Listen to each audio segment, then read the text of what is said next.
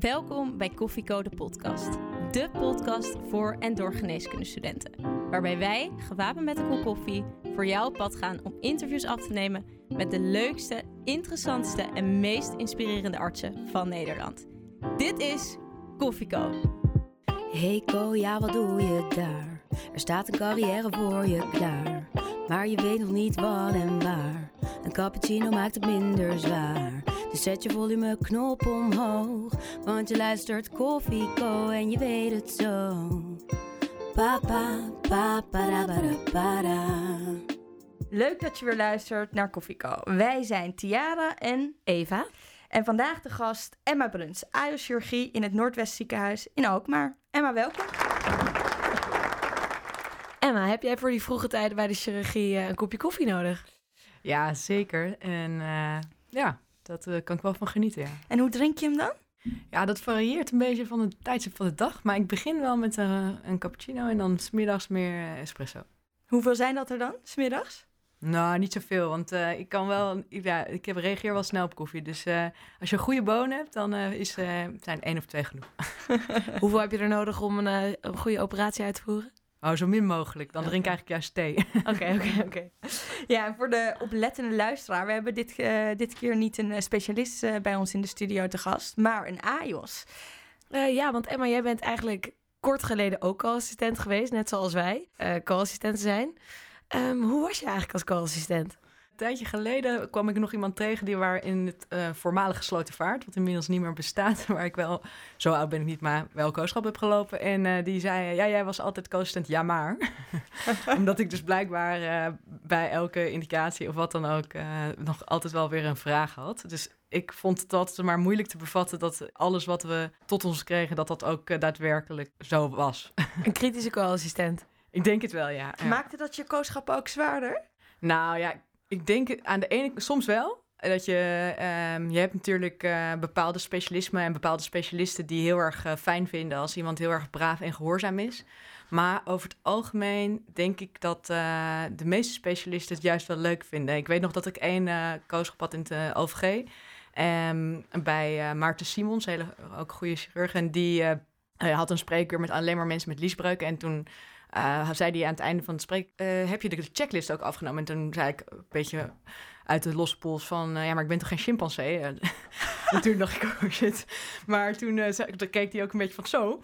Dat is bij dan te zeggen, ja, maar ik ben hier toch om opgeleid te worden... om dokter om een gesprek met de patiënt aan te gaan... en iets een checklist af te nemen. Dan kan je ook een robot inhuren. En dan toen kregen we wel echt een gesprek. Aan het eind van de ochtend waren we wel echt goede vrienden. Dus... Best wel brutaal dus. Ja, ik, ik ben in België opgegroeid. In België spreek je eigenlijk nog steeds eh, Vlaams. en eh, daar ooit, zeg maar, naar Nederland, of tenminste op mijn zeventiende in Nederland komen studeren. En veel mensen zeggen van, ja, er is wel weinig Belgisch overgebleven. Maar ik vind dat Nederland is nou net een land waar iedereen in- inspraak wat mag zeggen. En dat moet je koesteren, denk ik. En in België is dat dan niet het geval? Nee, zeker niet. Bel- ja, ik zat echt op zo'n heel streng eh nonnenschooltje met uniform en, eh, en alles. En, en het, daar moest je echt opstaan voor de leraar als hij de klas in kwam. En eh, dingen uit je hoofd gewoon opdreunen. En er was een weerwoord, dat daar waren mensen niet echt van gediend. Maar je had dus wel dat weerwoord. En hoe was het toen om- om dat in Nederland, laat maar zeggen, te introduceren?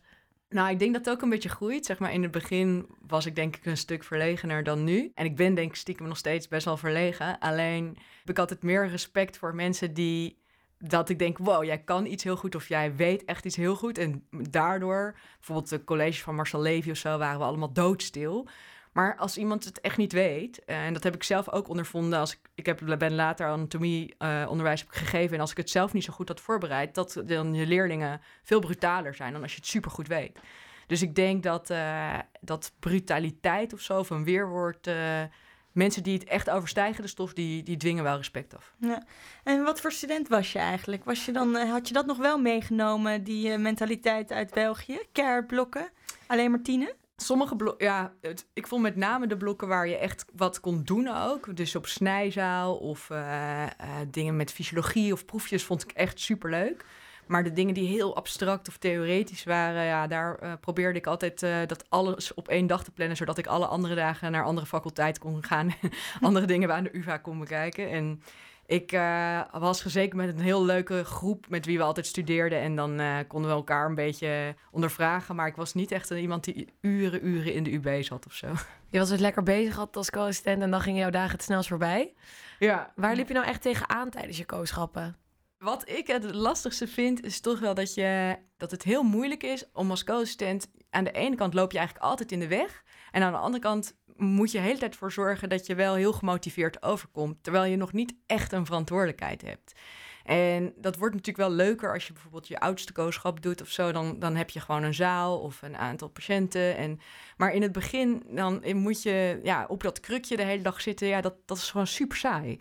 En voor heel veel, zeker ik denk als, zelf als AIOS ook, ben je ook heel erg bezig nog zelf met de opleiding en zelf die operatie doen. Dus dan is het soms ook heel moeilijk om en uh, iets, de co-assistent te vertellen wat je aan het doen bent... en de operatie goed te doen en te zorgen dat de tijd en zo... En als co-assistent moet je altijd maar opstellen dat je heel flexibel bent... maar tegelijkertijd moet ze je ook niet vergeten. Heel herkenbaar dit, ja. ja. Wij wonen met z'n drieën en soms komen we thuis en dan zeggen we wel eens... joh, ik heb zo'n leuke dag gehad. Wat maakte voor jou een kooschapdag nou echt heel leuk? Ja, ik denk... Uh, ik zit even te denken, maar... Nou, ik had één keer, en dat was wel want ik, heb, ik, vind ik vind echt heel veel dingen leuk. Maar de, een van de doorslaggevende momenten wat, dat ik wel voor chirurgie wilde kiezen... was toen ik een uh, kooschap in het OVG had, ook uh, nog chirurgie. En wel, ik had avonddienst en uh, het was best wel druk op de spoed. En op een gegeven moment kwam, er, kwam de assistent naar me toe en die zei... ja, je moet gewoon nu meelopen naar elkaar. is geruptureerd aneurysma, dat ga je niet vaak zien. Ga maar mee. Ik kom er zo aan. Ik, uh, op mijn, ik was toch wel, weet je wel, dan gaat je hartslag een beetje omhoog. En, en op de gang, uh, ik stond een beetje te zoeken naar die wasbakken en zo. En uh, oh ja, hoe was het ook weer? En toen kwam ik de vaatchirurg tegen en die zei, wie ben jij? De co-assistent? Oké, wassen en gewoon precies doen wat ik zeg. En ik dacht alleen maar, oké, okay, niks aanraken wat ik niet mag aanraken. En toen, de assistent die was nog op de spoed en het was druk. Dus wij, ja, die buik ging open, die darmen gingen aan de kant. Nou ja, ik dacht gewoon bij elke stap, oh, oké, het gaat nog steeds goed. ik heb nog niet... En... Ehm, ja, op een gegeven moment hadden we die hele prothese ingehecht en die, ging die buik weer dicht. En toen, uh, en toen zei die vaatchirurg ook, nou, hartstikke goed gedaan. En die uh, zei ook de hand en die ging zijn weg. En toen dacht ik wel, wow, weet je wel, als je, als je op een gegeven moment een baan hebt waarbij je uh, zoveel finesse, zeg maar, van zo een, een 6-0 draadje tot een gewoon de, de, de, hechting voor de fascie, dat je al die bewegingen goed kan, dat onder druk uh, iemands leven kan redden. Dat vond ik wel echt super gaaf. Toen was jij verkocht voor de chirurgie. Ja, ja. Eigenlijk toen al. En nou, we weten dat heel veel mensen zeggen... als je al weet dat je chirurg wil worden... moet je aan jezelf gaan werken. Of nou, niet aan jezelf, maar aan je cv. CV-building. Was je daar zelf ook al mee bezig toen al? Nee, maar ik, ik denk als ik, als ik één uh, tip mag geven... dan ik denk altijd uh, dat je iets moet doen... wat je in het nu echt leuk vindt. En kan best zo zijn, nou, bijvoorbeeld onderzoek doen of een kooschap ergens. Kan, kan best een investering zijn voor de toekomst. Maar het kan echt zo zijn dat over een jaar jouw leven er heel anders uitziet. En dan is het echt zonde als je dat hebt gespendeerd aan iets wat je totaal niet interessant vond. En nou, nog los van het onderwerp, want bijvoorbeeld een promotieonderzoek. Kies mensen waarvan je denkt, ah, ik weet niet waarom, maar ik vind ze gewoon interessant om als ik bij ze in de buurt ben, ze roepen vragen in me op, ze luisteren naar me, ik voel me gezien. Want dan kan die persoon jou echt verder brengen, wat je ook gaat doen inhoudelijk. En uh, ik had dat bij mijn. Uh, dus ik heb op een gegeven moment uh, gekozen voor de tropengeneeskunde en was in opleiding tot tropenarts en zat in Apeldoorn. En ik had daar een van, een van de chirurgen die uiteindelijk die opleider daar is, Peter van Duivendijk, onwijs interessante chirurg die ook orchideeën verzamelt en geobsedeerd is met allemaal kleine details waarvan je denkt, hoe kan een drukke chirurg als jij daar tijd voor hebben? En ja, uiteindelijk is hij mijn co-promotor geworden en heeft altijd, en met hem ben ik altijd in gesprek gebleven. En nog steeds bellen we heel vaak. En dat soort mensen moet je echt zoeken. En je cv, ja, uiteindelijk doet dat er niet zoveel toe. Maar je zegt, ik uh, was helemaal verkocht tijdens mijn coach op chirurgie, maar ik hoor je nu ook uh, tropengeneeskunde noemen. Ja. Hoe, hoe is dat zo gekomen? Eigenlijk uh, vond ik al dus nou ja, België en Nederland is natuurlijk niet echt een hele grote stap uh, in, qua reizen.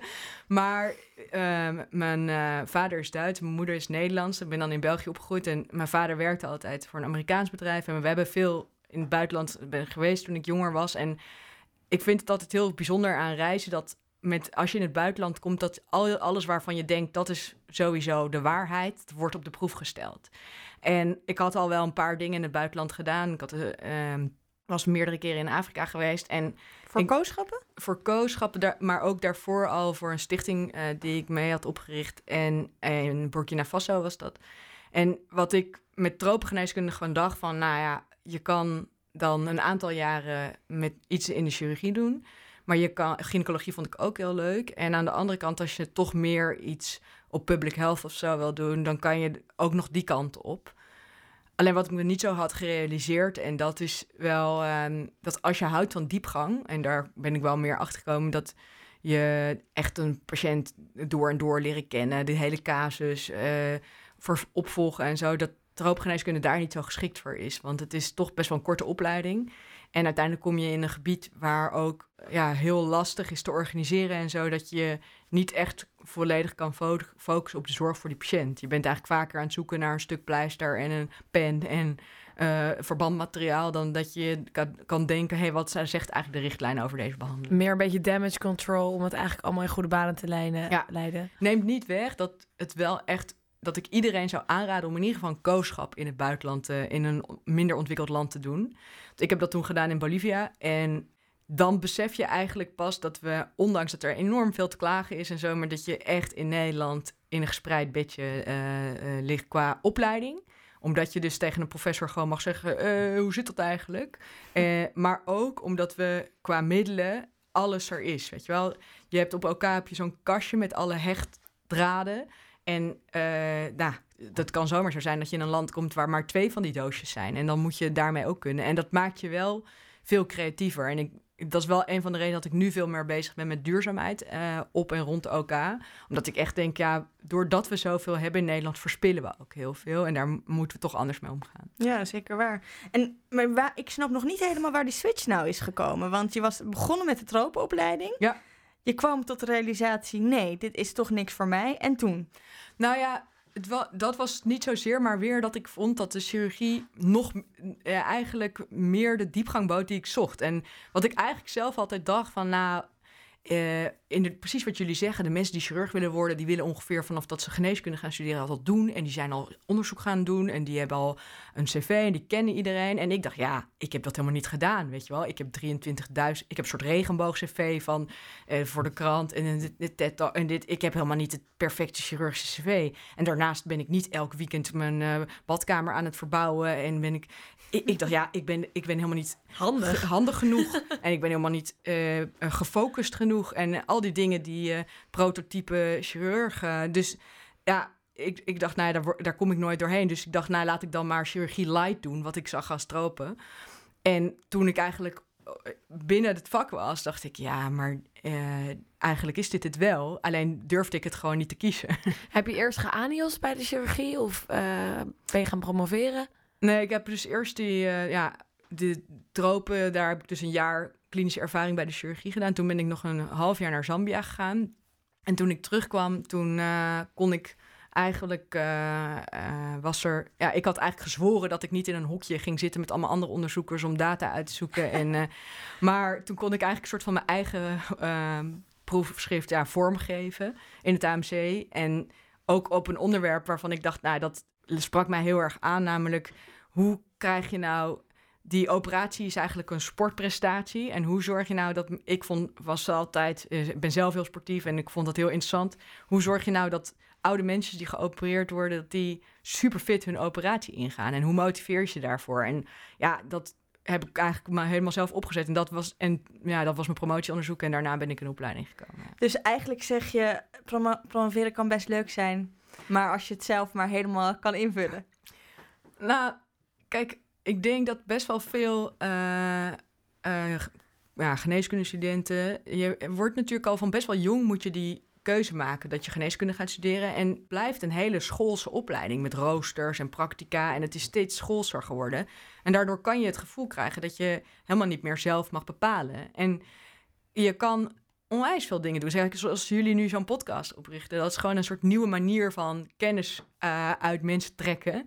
Op een super creatieve manier. En een promotie is helemaal niet bedoeld eigenlijk om in opleiding te komen. Een promotietraject is bedoeld om je ergens in te verdiepen. En maar met name om te leren dat geneeskunde helemaal niet zo zwart-wit is als het lijkt.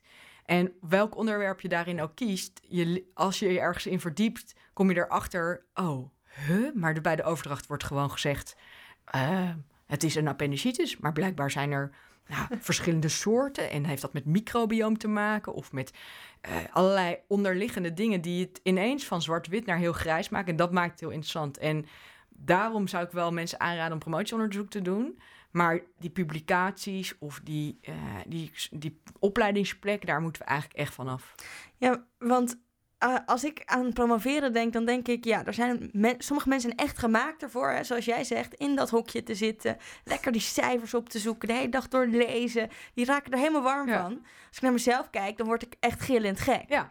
Maar de meeste mensen natuurlijk die, zeker de mensen denk ik die een uh, snijdend vak willen gaan doen, uh, dat zijn natuurlijk mensen die gewoon goed zijn in snel schakelen, improviseren. Uh, als je gast op een andere locatie staat, een mini te pakken, scheurend naar de andere locatie ja. te gaan. Weet je, dat kunnen mensen goed. Maar toch wordt er wel verwacht dat je gaat promoveren ja, bij maar die daarom mensen. is het dus ook heel raar. Want sommige mensen worden dus aangenomen vanuit een promotietraject in een opleiding... waar je hele andere eigenschappen eigenlijk voor nodig hebt. En andersom worden mensen die bewezen hebben supergoeie aandeels te zijn... ook klinisch heel goed, die worden niet aangenomen. En ik denk dat je je hebt zeker mensen nodig die wetenschappelijk geïnteresseerd zijn en die het vak. Maar dat is echt maar de minderheid. Maar die trend zie je ook wel gebeuren. En er zijn echt wel ook veel oudere artsen die inzien dat, dat we echt niet alleen maar mensen moeten hebben die heel cijfermatig sterk zijn. Dus ik heb wel goede hoop dat dat gaat veranderen. Gelukkig. Goed. Je zei net, um, van de opleiding ben ik dus gaan promoveren. En, of, nou ja, ik ben gaan promoveren en dus in opleiding gekomen. Maar volgens mij zit daar nog een hele cruciale stap tussen. En dat is de sollicitatie. Ja. En wij vroegen ons eigenlijk wel af, want we hebben eigenlijk helemaal geen beeld bij zo'n sollicitatie. Uh, hoe gaat het eigenlijk in gang? Hoe, of hoe zet je dat in gang? Wat is stap 1? Stap 1 is eigenlijk um, het omdraaien. Is een beetje zoals uh, als jij naar de kroeg gaat om, er een, uh, om iemand te regelen, dan weet je al dat je niet iemand gaat regelen. dus uh, je, moet, je moet ervan uitgaan dat zij jou willen en niet dat jij hen wil. En het is dus ook een gesprek en niet een soort van, oh please, kies mij. En um, namelijk als je uh, je voorstelt en je zit aan de andere kant van die tafel en uh, er komt iemand, weet je, er komen, als je op gesprek mag komen, dan ben je geschikt. Want al die mensen die op gesprek komen, hebben allemaal goed cv, hebben allemaal ervaring, anders mag je niet naar dat gesprek komen. Dus het gaat erover, was ze eigenlijk stiekem, ik bedoel, ik ben natuurlijk nog, ik ben helemaal nog geen specialist, ik spreek, voor mijn beurt nu, maar is dat ze denken, shit, ik moet met deze persoon waarschijnlijk ook kerst doorbrengen, oud en nieuw, uh, skiën, weet je wel, want je, je spendeert ongeveer meer tijd in het ziekenhuis, zeker als je chirurg of iets wordt, dan, dan thuis. Dus die, je moet het ook een beetje leuk hebben met elkaar.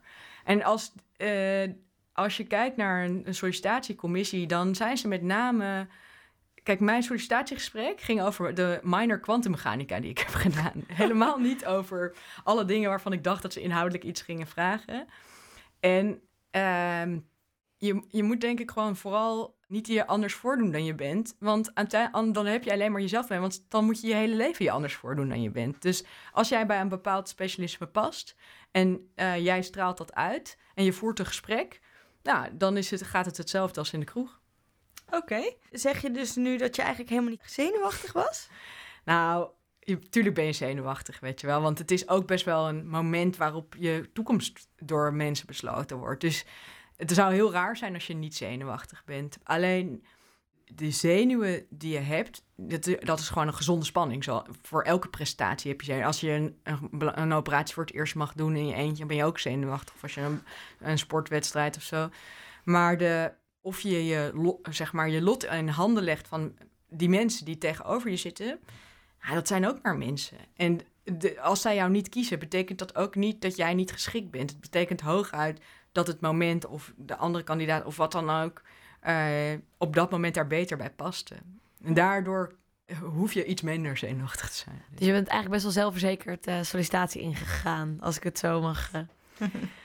nou, misschien heb ik het, praat, praat ik het nu ja. ook wel een beetje goed. Ja. Weet je wel. Waarschijnlijk was ik toen een stuk onzekerder. Of, maar ik denk wel dat je wel overtuigd moet van, zijn van jezelf. Want als je dat niet bent, nou, je moet in ieder geval naar jezelf hebben, goed hebben verantwoord waarom je de keuze voor de chirurgie of voor een, het, andere, het vak waarvoor je solliciteert. Want je weet helemaal niet waar je aan begint. Ehm, echt niet. Dat, ik ben nu derdejaars en je weet het echt niet. Ehm, maar je moet in ieder geval daar echt zin in hebben. En onzeker zijn is vaak een soort van niet nemen van verantwoordelijkheid. Als ik vanavond zeg, oké, hier na het interview, ik neem jullie mee uh, en ik ga voor jullie koken. En jullie gaan echt de lekkerste pasta pesto eten die je ooit hebt gegeten. Dan is dat niet onbescheiden of zo, of, on, of zelfverzekerd. Maar dan neem ik de verantwoordelijkheid om jullie een super lekker iets te geven. En dat moet je ook bij een sollicitatie, moet je gewoon denken... ik heb een aantal dingen gedaan in mijn leven. Ik kom hier omdat ik graag dit vak wil doen.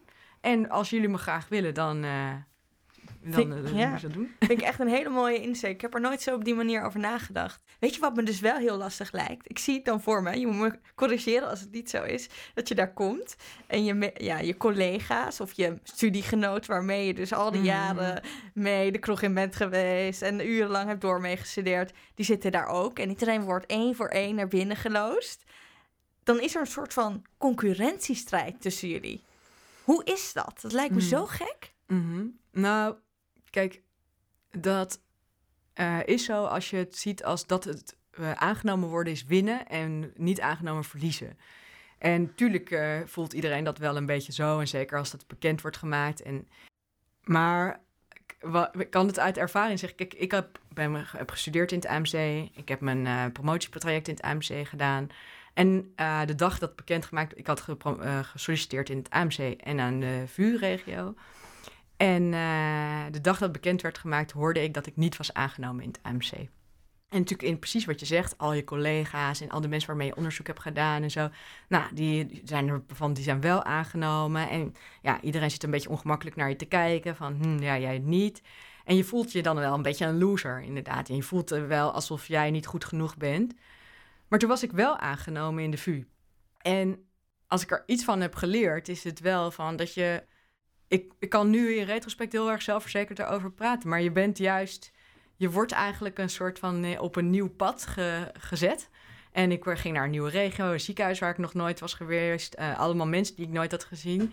Nou, het is dus een soort alsof je weer opnieuw begint en uh, ook weer in je denken en zo. En je, je niet zozeer een nieuwe kans, maar je, je leert gewoon nieuwe dingen omdat je even gereset wordt. En dat moet je denk ik altijd voor ogen houden. En dat vind ik dus ook bijvoorbeeld als je door zo, zoiets te doen als wat jullie nu met zo'n podcast doen of zo. Uh, je hebt echt veel meer, uh, je investeert altijd in jezelf. En of andere mensen daar je dan uiteindelijk een beloning voor geven, ja, je hebt er geen recht op of zo. Het is niet zo dat, uh, ja, er zijn superveel mensen die omwille van hun huidskleur of omwille van hun achtergrond of wat dan ook uiteindelijk niet aangenomen worden omdat andere mensen vooroordelen hebben. Maar dat betekent niet dat zij daar niet zo hard voor hebben gewerkt. Dus je moet het verschil zien tussen dat jij investeert in jezelf en daarom moet je ook dingen doen waar jij blij van wordt en gelukkig van. En of je daar uiteindelijk voor beloond wordt, ja, dat heb je niet in de hand. Hm. Mooi gezegd. Eh, wat ik grappig vind is dat je dus uh, schetst dat je in het AMC juist bent opgeleid en heel veel mensen kende. En daar denk ik ook best wel nou ja, met een goed gevoel de sollicitatie ingaat. En dat het daar uiteindelijk dus uh, niet helemaal is geworden wat je had gewild. En in het, dus een gloednieuw ziekenhuis, de VU, waar je niemand kende, het wel bent geworden. Hè? Ja. Waarom denk jij dat jij, dat jij het toen bent geworden in die sollicitatieprocedure en niet de andere? Wat maakte jou anders? Nou, misschien ook wel dat je, dat je inderdaad dat het, uh, in het AMC kende ik natuurlijk iedereen. En dan ben je ook best wel, dan heb je het gevoel dat je iets moet waarmaken wat je al bent. Of, uh, en terwijl in de VU misschien ik ook wel een veel meer onbevangen gesprek had gehad. En, maar als je dus al iets doet wat een beetje in de publieke opinie is. Hè, en ik schreef al een tijdje voor NRC en was iets meer, zeg maar, bekend al dan de gemiddelde promovendus en gemiddelde anios. Dan ben je wat ik best wel confronterend daaraan vond, ik ben ooit, net zoals jullie, gewoon die stukjes. Ik vond schrijven gewoon leuk. En op een gegeven moment kwam ik iemand tegen die zei: Ja, ik heb een krant opgericht, NRC Next, vind je dat niet leuk? En ik dacht, nou ja, oké. En ik dacht, nou, ik ga nooit over geneeskunde schrijven, want ja, dat doe ik al de hele dag. Maar ja, op een gegeven moment doe je kooschap en dan maak je niks anders meer mee. en toen ging ik ook een beetje over de zorg schrijven. Maar ik had me nooit zo gerealiseerd dat dat er dus voor zorgt dat mensen al een beeld van je hebben, nog voor ze je ooit hebben ontmoet. En daar ook iets van vinden. En nou, dat is misschien een beetje naïef, kan je zeggen. Maar ik vond uh, wel dat, uh, in, de, in ieder geval als je dan ehm, bij een so- sollicitatieprocedure wordt je, je solliciteert voor de opleiding heelkunde. En een opleiding waar dan van dus heel erg verwacht wordt dat je heel toegewijd één ding gaat doen. En waarbij mensen dus het feit dat je allerlei andere dingen ernaast doet ook wel kunnen zien als, eh, ja, ben je wel gefocust genoeg? En misschien dat ik daar in dat gesprek bij de VU wat meer eh, onbevangen over was. Omdat ik gewoon dacht, nou ja, deze mensen ken ik toch niet. En ik word hier toch niet aangenomen, dus ik heb hier toch niks te Je verliezen. ging er een beetje met het underdog gevoel Ja. in. Ja. Ja. Dat is meestal, meestal wel de goede manier. Ja, en toen ben je aangenomen. En nou ja, dan heb je eigenlijk al een ontzettend lange weg achter de rug. En ja, dan begint het eigenlijk pas. En hoe ziet die opleiding er dan uit? Nou, het is wel, het is wel echt superleuk. Kijk, je kan... eh, eh, mijn broer is ZZP'er en ik ben dat dan ook een beetje met de krantenartikelen. En het, jammer, het leuke is dat je heel veel vrijheid hebt. En het minder leuk is dat je eigenlijk nooit echt een mentor hebt of zo. Of dan moet je dat zelf gaan zoeken of kiezen. En dat is best wel een voorrecht aan AIOS zijn, in welk specialisme dan ook. Dat er gewoon een heleboel mensen zijn in een ziekenhuis die het belangrijk vinden dat jij net zo goed wordt als zij, zo niet beter. En eh, die dus midden, ook midden in de nacht, eh, vorige week had ik nachtdienst en om, eh, om half twee s'nachts zeggen, nou, maagperforatiescopisch, dat mag jij, jij mag richten. Nou ja, dat is best wel bijzonder, vind ik. Dat iemand dus die al zelf al de hele dag heeft gewerkt en dan toch nog zegt, nou ja, ik ga kies voor een opleidingsziekenhuis te werken. Dus ook s'nachts mag de AIOS opgeleid worden. Dus dat is wel echt iets eh, wat heel bijzonder is aan een opleiding zijn. Daarnaast vind ik het ook eh, heel bijzonder omdat je eh, het voelt, dat is al, zullen jullie ook al hebben als je voor straks voor de eerste keer als je arts bent, je eerste keer je een medicijn voorschrijft met jouw naam eronder. Dan denk je, huh? oh, ik bepaal nu, oh, ook al is het paracetamol, dat deze patiënt paracetamol krijgt. En ehm, dat is zeker, vind ik, als, als chirurg in opleiding zo, dat eh, je stelt je natuurlijk voor als, eh, hm, ik ben een chirurg in opleiding. En dat jij het voorrecht of zo, dat klinkt misschien een beetje cheesy, maar krijgt om gewoon in iemand te, mogen snijden, om het nou zomaar bot te zeggen. Ja, dat is gewoon echt wel heel bijzonder. En dat creëert ook best wel een groot verantwoordelijkheidsgevoel. En dus ook wel dat je denkt, shit, eh, dat je als je een keer een complicatie hebt of zo, dat je daar echt wel eventjes eh, slecht van voelt en ook wel een slechte dag kan hebben. Maar als het goed gaat of iemand is echt blij met eh, hoe je het gedaan hebt, dan is dat ook super bijzonder. En dat, ik vind dat wel echt eh, heel bijzonder aan in opleiding zijn, ja. Ja, en ik kan me ook wel voorstellen bij de chirurgie dat ah, toen je ANIOS was, dan was je meestal op de zalen. Maar als AIOS mag je ook eindelijk naar de operatiekamer toe. Ja. Hoe, eh, hoe vind jij dat? Ja, dat, dat is wel, dat is echt een super bijzonder gevoel. En ik, ik denk als je in je kooschappen heb je dat al. Maar het is gewoon een voorrecht, vind ik, om als hoogopgeleide een vak te doen waar je met je handen mag werken. En een dag op de operatiekamer vind ik echt, ja, ik kom ook altijd veel ontspannender thuis en zo. Je hebt gewoon, doet iets 100% met je focus en eh, je maakt als team, maak je gewoon het beste van. En ja, ik heb gewoon eh, eh, echt ook een zwak voor anatomie. En zeker als je bijvoorbeeld dus eh, de lies of de hals of plekken opereert die gewoon hele mooie anatomie hebben. Ja, dan, dan is dat gewoon echt een feest om te doen. Ja. Het lijkt me zo raar als je dan je eerst, dan ben je eerstejaars AIOS. En dan, dan mag je opeens snijden. Maar je kan niet veel meer dan, dan als je ANIOS was. Hoe gaat dat dan? Hoe word je, kom je bij dat punt dat je voor de eerste keer kan snijden? Ja, dat is heel grappig. Het lijkt soms een heel klein beetje op, denk ik, als je... eh, Ik weet niet of je wel eens met je neefjes of je nichtjes of zo cupcakes hebt gebakken of zo. Maar dan, weet je wat, dan leg je, dan bak jij die cakejes en dingen. En dan mogen zij drie smarties en dan zegt ze, ah, ik heb cupcakes gebakken. en dat is gewoon ook een beetje als je eerstejaars AIOS bent. Je denkt gewoon op een gegeven moment, wow, ik heb die operatie gedaan. Maar eigenlijk heeft gewoon je opleider gewoon de hele tijd soort van het net het weefsel zo uit elkaar. En dat, je merkt dat heel erg als je wat ietsje verder bent. En je gaat dan een keer met een co-assistent of zo dezelfde operatie doen. Dan denk je, hé, de vorige keer kon ik het super goed zien allemaal. en dat is dan dus omdat, je, als ople omdat de opleiders het heel erg, eh, ja, ze helpen je gewoon heel erg. En opereren is natuurlijk eh, heel erg iets wat je geleidelijk leert. En ook vooral, wat iedereen denkt altijd dat het gaat om dat, en alleen het, het, de handeling. Maar het gaat veel meer om dat je ziet wat je aan het doen bent. En daarom is en de kennis van anatomie belangrijk. En gewoon de, dat je de patiënt kent. En is, eh, want dan weet je wat je gaat tegenkomen. En dan kan je dus ook zo prepareren dat je weet, oh, daar loopt die venen, daar loopt dit. En ehm, het, dus dan zorg je ook dat je in het juiste vlak komt. En dan zijn nog steeds al die technische handelingen belangrijk. Je moet die naald voor de goed en zo, maar dat, weet je wel, dat, dat kan, eh, kan, je, kan je iedereen leren. Maar dat kijken, en dat kan je dus ook al tijdens je kooschappen doen en ook wel filmpjes en dingen en zo. Maar dat kijken, dat is eigenlijk, dat is een heel groot deel van, zeker ook bij laparoscopisch opereren, van een goede, een goede chirurg wordt, denk ik. Maar ja, goed, ik ben ook maar AIOS. Dus jij zit eh, na je drukke werkdag eh, nog steeds wel in de boeken om die anatomie... Ja, nou ja, lang niet altijd. En ook lang, weet je, soms ben je gewoon moe en soms wil je gewoon even sporten of koken of iets anders doen. Maar eh, ik vind wel altijd eh, dat het voegt wel echt wat toe aan je eh, dag opereren als je het goed hebt voorbereid. En het voegt ook wat toe om soms. Ik vind het al soms als je na de operatie je operatieverslag schrijft, dan zie je eigenlijk weer een film in je hoofd van al die stappen.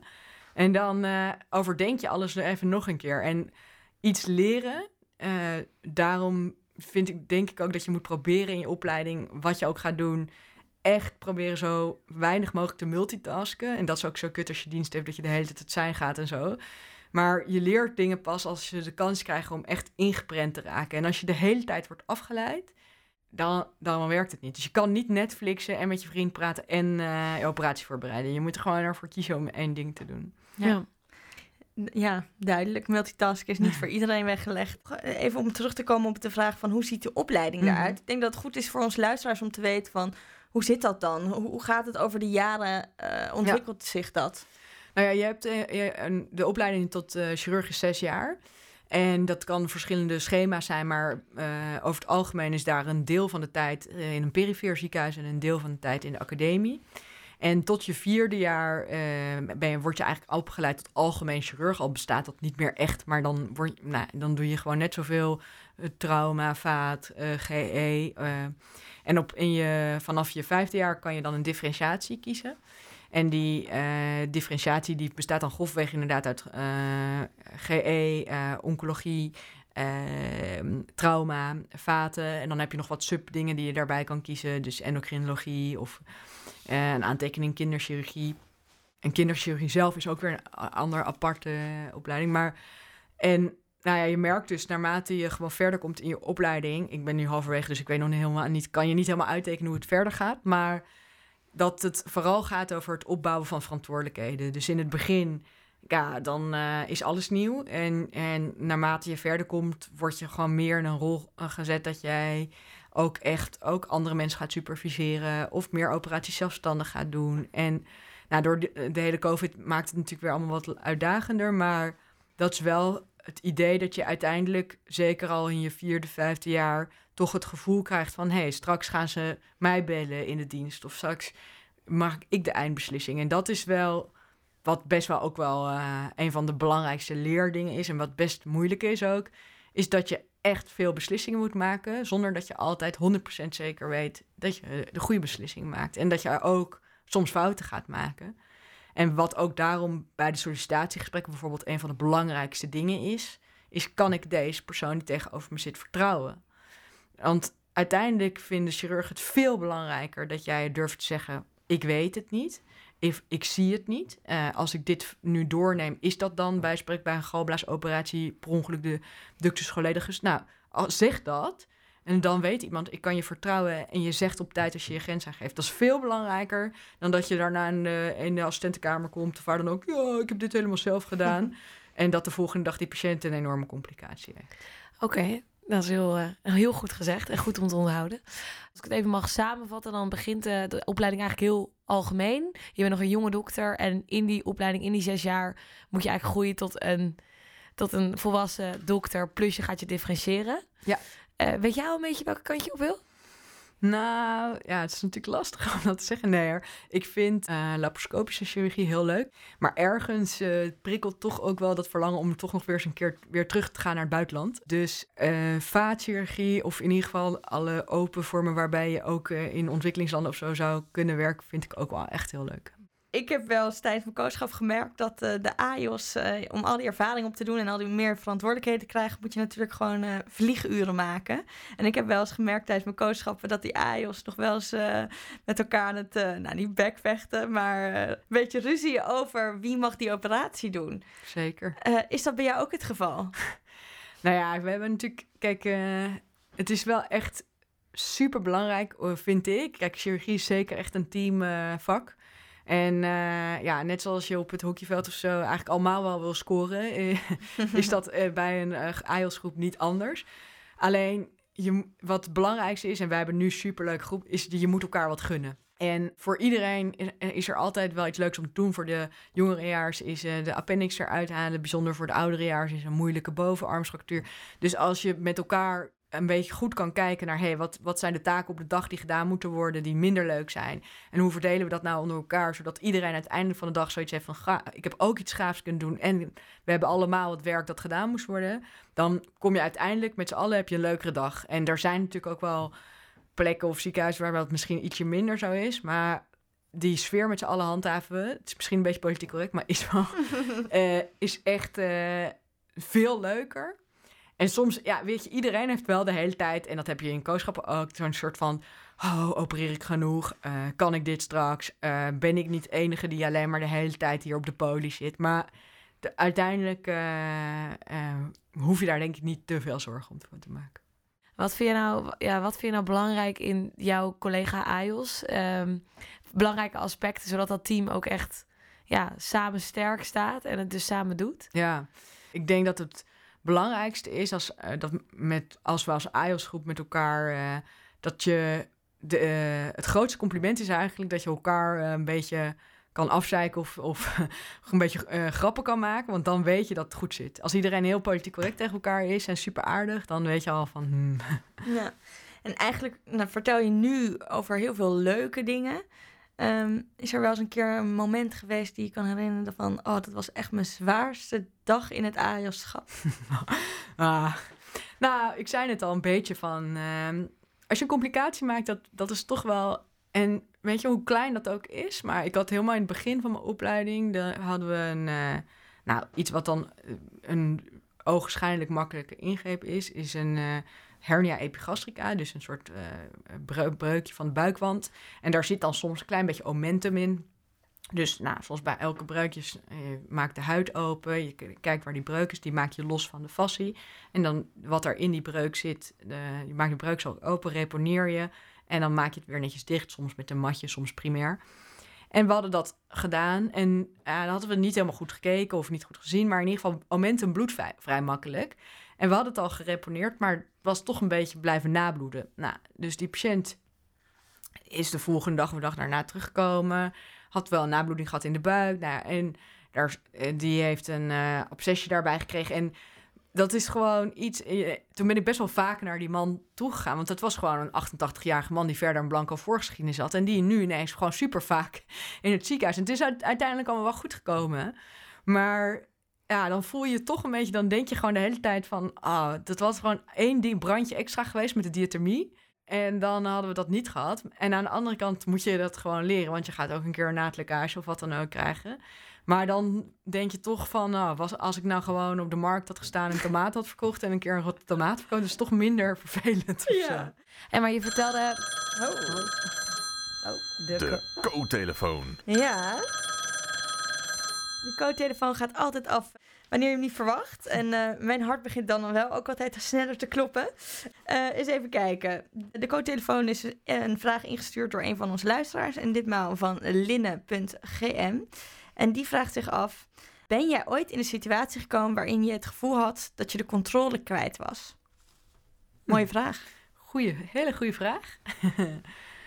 Ehm, nou ja, het is misschien meer zo dat als je. ehm, de opleiding geneeskunde gaat inderdaad heel erg over controle. En, het, en misschien zelfs wel de illusie daarvan. Klinkt een beetje filosofisch.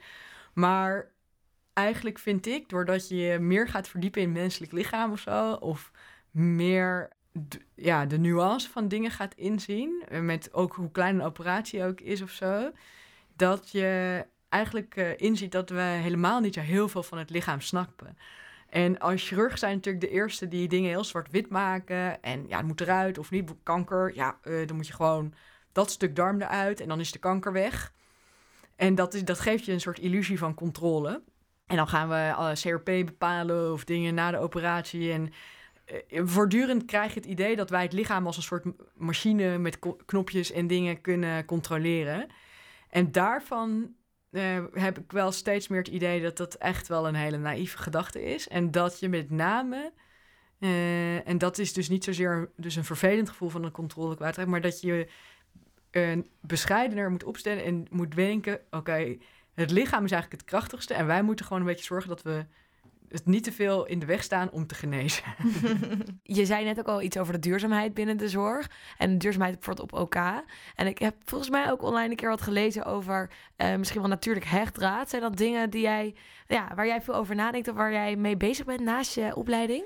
Ja, nee, als ik zou uh, um, zeg maar een beetje mag dromen en zou zeggen van oké, okay, daar uh, wil ik uh, uiteindelijk, dan zou ik het allerliefst, zou ik een, nou, gewoon een hele goede chirurg worden met daarnaast een soort onderzoekslijn die, wat uh, ik dan heel cool vind, is biomimicry. en dat is dus uh, in, bij MIT, uh, een van de universiteiten in Amerika, hebben ze daar dus hele onderzoeksgroepen naar die kijken of je van spinnenwebben hechtdraad kan maken. Of dat je de tanden van de vorm van tanden van haaien kan gebruiken voor staplers. Of ja, ik vind het dus heel wow, gaaf. Yeah. Hoe je, want de natuur is natuurlijk heeft gewoon miljoenen of ja, duizenden jaren trial and error. En, of we, en dat heeft het lichaam ook. Of je de natuur als inspiratiebron kan gebruiken voor innovaties in de geneeskunde. Dat zou ik heel gaaf vinden. Wauw, en ben je daar dus nu al mee bezig? Of nou, wil je daar naartoe ik, ik ben daar heel klein mee begonnen door dat ik dacht van... nou ja, we moeten eerst maar eens voorkomen dat we niet de hele natuur naar, naar de galamiezen helpen. Dus ik heb vorig jaar uh, een soort gewoon op de refereeravond een kat gehouden over dat wat ik ook niet wist, maar dat bijna 10% van onze uitstoot van broeikas wereldwijd veroorzaakt wordt door de gezondheidszorg. En dat tweede daar, daar, daarvan door operatiekamercomplexen, uh, ja, dat gewoon afval en energieverbruik. En hoe je dat kan minderen. En eigenlijk vanuit die hebben we een landelijke werkgroep Groene OK. En vanuit die gedachte wil ik eigenlijk dat gaan uitbreiden naar hé, hey, maar we moeten niet alleen de natuur, omdat het zo leuk zijn, olifanten en aapjes, maar ook ze kunnen ook daadwerkelijk ons helpen in het uh, verbeteren van onze eigen gezondheidszorg. Wauw, heel leuk. En je noemde het net al even. Je schrijft ook uh, naast, naast dat je AIOS bent. Um, even kijken, we lazen op je website, het werd heel mooi uh, genoemd, dus ik vond het leuk om te herhalen, dat je publicist en writer bent. Nou, vertel. Nou, het is een beetje toevallig gekomen, maar ik vind, denk dat. Uh, uh, je, wat jullie ook zullen merken, dat je tijdens je kooschap en zo maak je gewoon heel veel dingen mee die een beetje frustrerend zijn. Uh, van administratieve lasten tot, tot dingen gewoon inefficiënt geregeld zijn. Maar ook gewoon mooie dingen die bijzonder zijn. En in de krant staat meestal alleen maar iets of over heel saai de kosten in de zorg en dat dan een heel abstract, nuffig verhaal. Of incidenten waar iets helemaal verkeerd is gegaan. En uh, ik vond het best zonde dat je daar dat er niet ook het gewone verhaal van wat wij eigenlijk meemaken en hoe leuk het vak kan zijn. En ja, schrijven heb ik altijd een beetje gedaan, maar toen ik deze kans kreeg, dacht ik van nou oké, dit is wel een manier om uh, onze sector een beetje in beeld te brengen. En wat, mijzelf, wat ik zelf gewoon leuk vind, is dat als ik, zoals vorig jaar met kerst, dienst had en een van onze traumachirurgen, uh, die een enorm grote meneer en die heel goed kan opereren, en dan vervolgens aan het einde van de operatie bij een kind uh, een knuffel in bed ziet liggen, zeggen we, ah, we gipsen ook even dat armpje van die knuffel. Mm. En dat zijn van die kleine dingen, maar die, anders zouden die alleen maar in de operatiekamer zijn. En daardoor kan je ze. Uh, door het schrijven kan je eigenlijk een groter publiek een inkijkje geven in onze wereld. Super mooi. Ontzettend leuk. Ja, uh, Emma, je kan wel stellen dat je echt een duizendpoot bent met heel veel activiteiten, volgens mij ook naast je drukke opleiding. Um, maar ja, er is ook nog zoiets als vrije tijd. Ja. Hoe ontspan jij? Ja, ik uh, vind echt uh, de natuur het beste. en dat met name om te sporten. Dus ik ben het liefst buiten. En maakt niet uit. Uh, wielrennen, uh, skiën. Uh, nou, dat is dit jaar een beetje moeilijk. Maar ja, ik ben gewoon het liefst buiten. Je woont in Amsterdam, dus in, in het weekend ga je wel de natuur opzoeken dicht in de buurt. Of ben je te vinden op de Noordermarkt? Ja, ik ben niet zo lang geleden verhuisd naar Egmond aan Zee. Oh, wauw. En eh, ik moet zeggen dat eh, ik iedereen, ook al heb ik dus eh 14 jaar met veel plezier in Amsterdam gewoond, ik eh, kan echt iedereen aanraden om eh, een tijdje de stad uit te gaan. Aan het strand wonen is echt fantastisch. Ik heb gisteren nog gezwommen in de zee. En, Zo eh, lekker. Het is echt eh, heel, eh, heel gaaf.